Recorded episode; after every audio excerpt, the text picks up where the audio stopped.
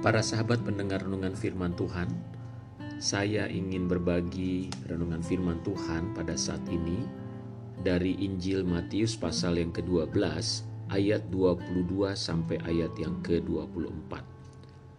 Kemudian dibawalah kepada Yesus seorang yang kerasukan setan. Orang itu buta dan bisu, lalu Yesus menyembuhkannya sehingga si bisu itu berkata-kata dan melihat.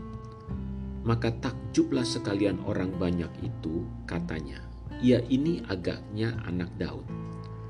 Tetapi ketika orang Farisi mendengarnya, mereka berkata, "Dengan Belzebul, penghulu setan, ia mengusir setan." Renungan ini saya beri judul "Sudut Pandang yang Salah". Para sahabat sekalian, Yesus selalu membuat kebaikan di dalam sepanjang pelayanannya di mana dia menyembuhkan orang sakit, memulihkan orang-orang yang mengalami penderitaan. Bahkan Yesus juga membebaskan orang dari ikatan kuasa-kuasa kegelapan. Yesus juga mengajarkan prinsip-prinsip, nilai-nilai, dan pola kehidupan kerajaan sorga. Namun, apa yang kita lihat di dalam tanggapan orang-orang terhadap pelayanan Yesus, khususnya dari para ahli Taurat dan Farisi, tidak selalu apa yang Yesus lakukan itu mereka lihat dengan kacamata yang benar. Bahkan kecenderungan para ahli Taurat serta orang Farisi mengkritik apa yang Yesus lakukan. Nah, dari apa yang kita baca tadi, bagaimana ketika Yesus menyembuhkan orang yang buta dan bisu karena dirasuk oleh setan. Ketika Yesus menyembuhkan orang tersebut, sehingga kemudian orang tersebut dapat melihat dan dapat berbicara, sebagian orang takjub dengan apa yang Yesus lakukan, dan mereka berkata, "Wah, ini adalah pekerjaan Mesias, Anak Daud." Tetapi sebaliknya orang-orang Farisi berkata bahwa pekerjaan Yesus itu adalah pekerjaan dari Beelzebul, penghulu setan.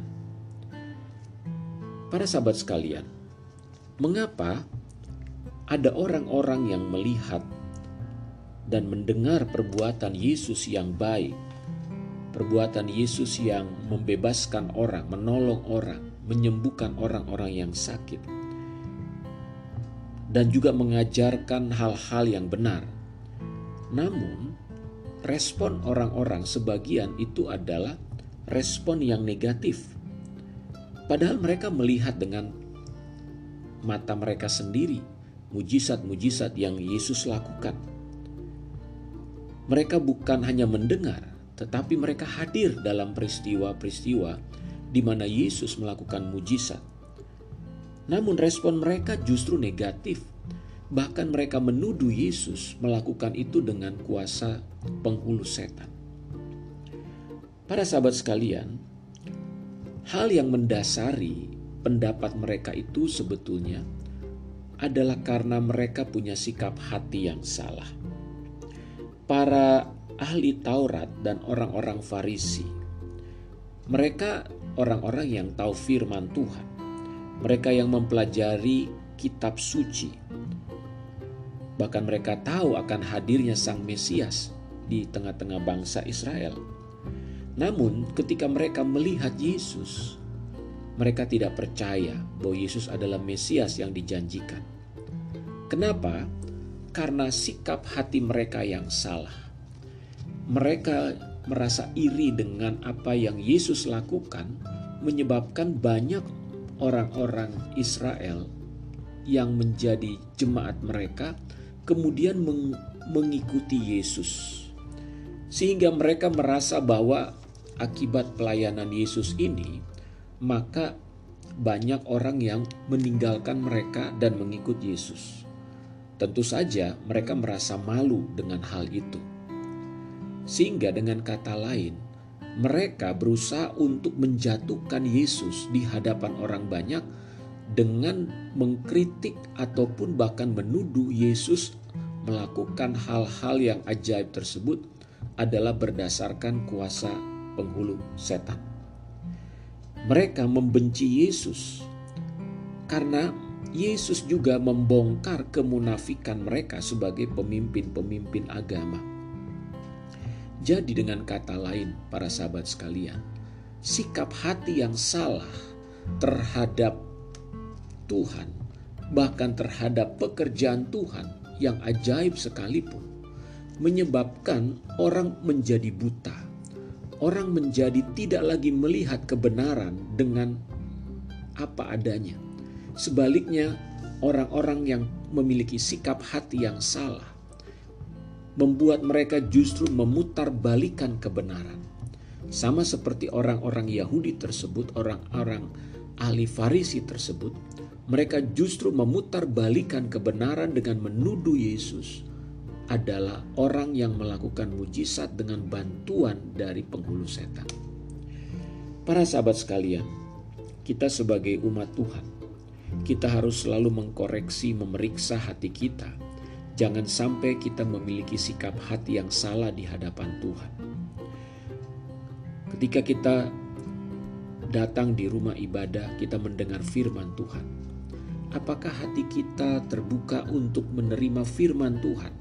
Apakah hati kita terbuka untuk mengizinkan Tuhan melakukan hal-hal yang ajaib dalam hidup kita?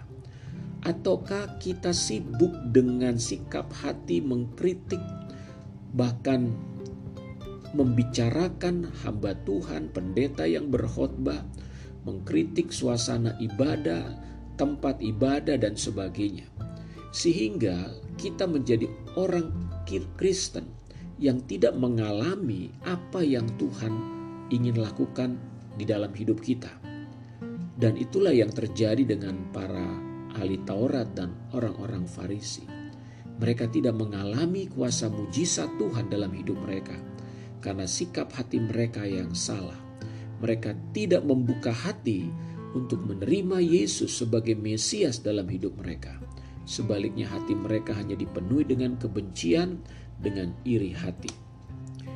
Biarlah kita sebagai umat Tuhan, kita mau merendahkan hati di hadapan Tuhan, kita izinkan Tuhan untuk bekerja, untuk membentuk hidup kita lewat firman Tuhan yang kita dengar, yang kita baca.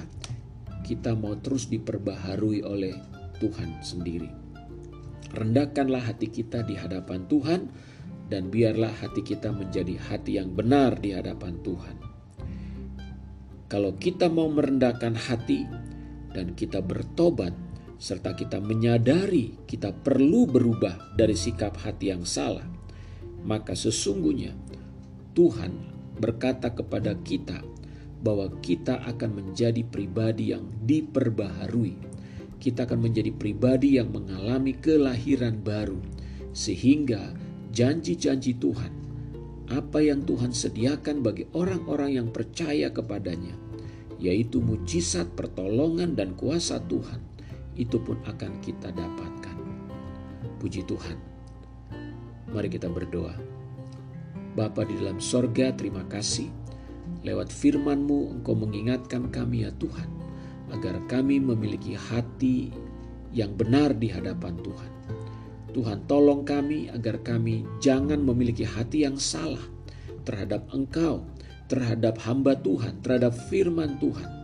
Tuhan tolong kami agar kami terus-menerus diperbaharui, agar hati kami terbuka kepada kebenaran-Mu untuk dikoreksi, untuk ditegur, dinasehati, bahkan hidup kami akan terus mengalami pembaharuan dari hari ke sehari. Terima kasih Bapa, berkatilah setiap anak-anakmu, para sahabat yang mendengarkan firman Tuhan ini.